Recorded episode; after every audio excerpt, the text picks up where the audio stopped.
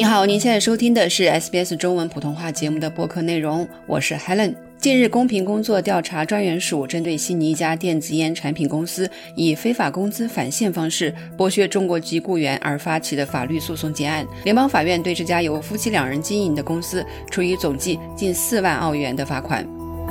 根据公平工作调查专员署的消息，联邦巡回和家事法院在本周裁决对 EasyVPN 有限公司罚款两万六千七百七十五澳元。此外，法院对该公司的唯一董事 Kate。Dylan Chan 及其丈夫，同时也是公司的营运和财务经理 Edward Chan 罚款五千三百五十五澳元。法院在裁定该公司及其两名灿姓负责人蓄意违反劳动场所法规后，作出上述处罚决定。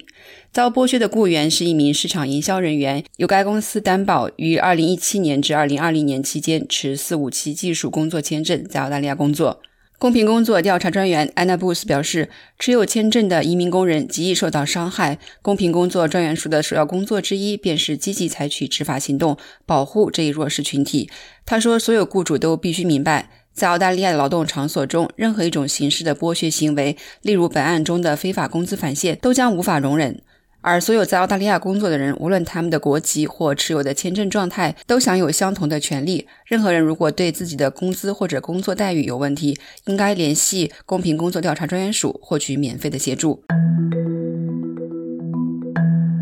公平工作调查专员署是在收到这名雇员的投诉之后展开的调查。调查员发现，该公司以施压方式说服这名雇员接受非法的工资返现安排。公司称可以担保为其申请四五七签证，但是没有能力支付六万五千澳元的年薪，而这是澳大利亚法律规定的这类职位的最低薪酬标准。公平工作调查专员署在法庭上指称，蔡女士在该公司经营场所的一个包装间内私下向这名雇员提出了工资返现的要求。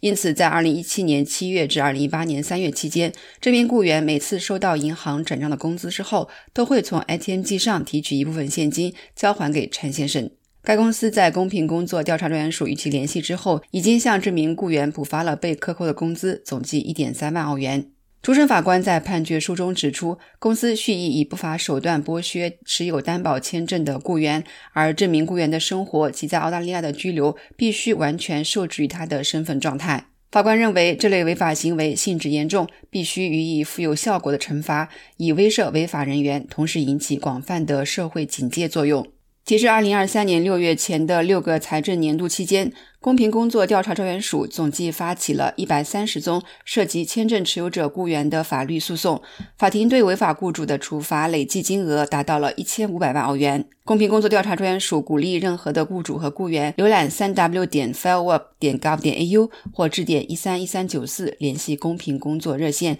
以详细了解他们在工作场所中所应有的权利和义务。这是一项免费的咨询与协助服务。此外，公平工作调查专员署也与联邦政府的内政部达成了保证协议，任何签证持有人都能够与专员署联系寻求协助，而无需害怕他们的签证会被取消。以上为 SBS 中文普通话节目根据公平工作调查专员署的消息综合制作的播客内容。欢迎在苹果播客或 Spotify 订阅 SBS 的中文播客内容，收听更多类似的新闻。我是记者 Helen，感谢您的收听。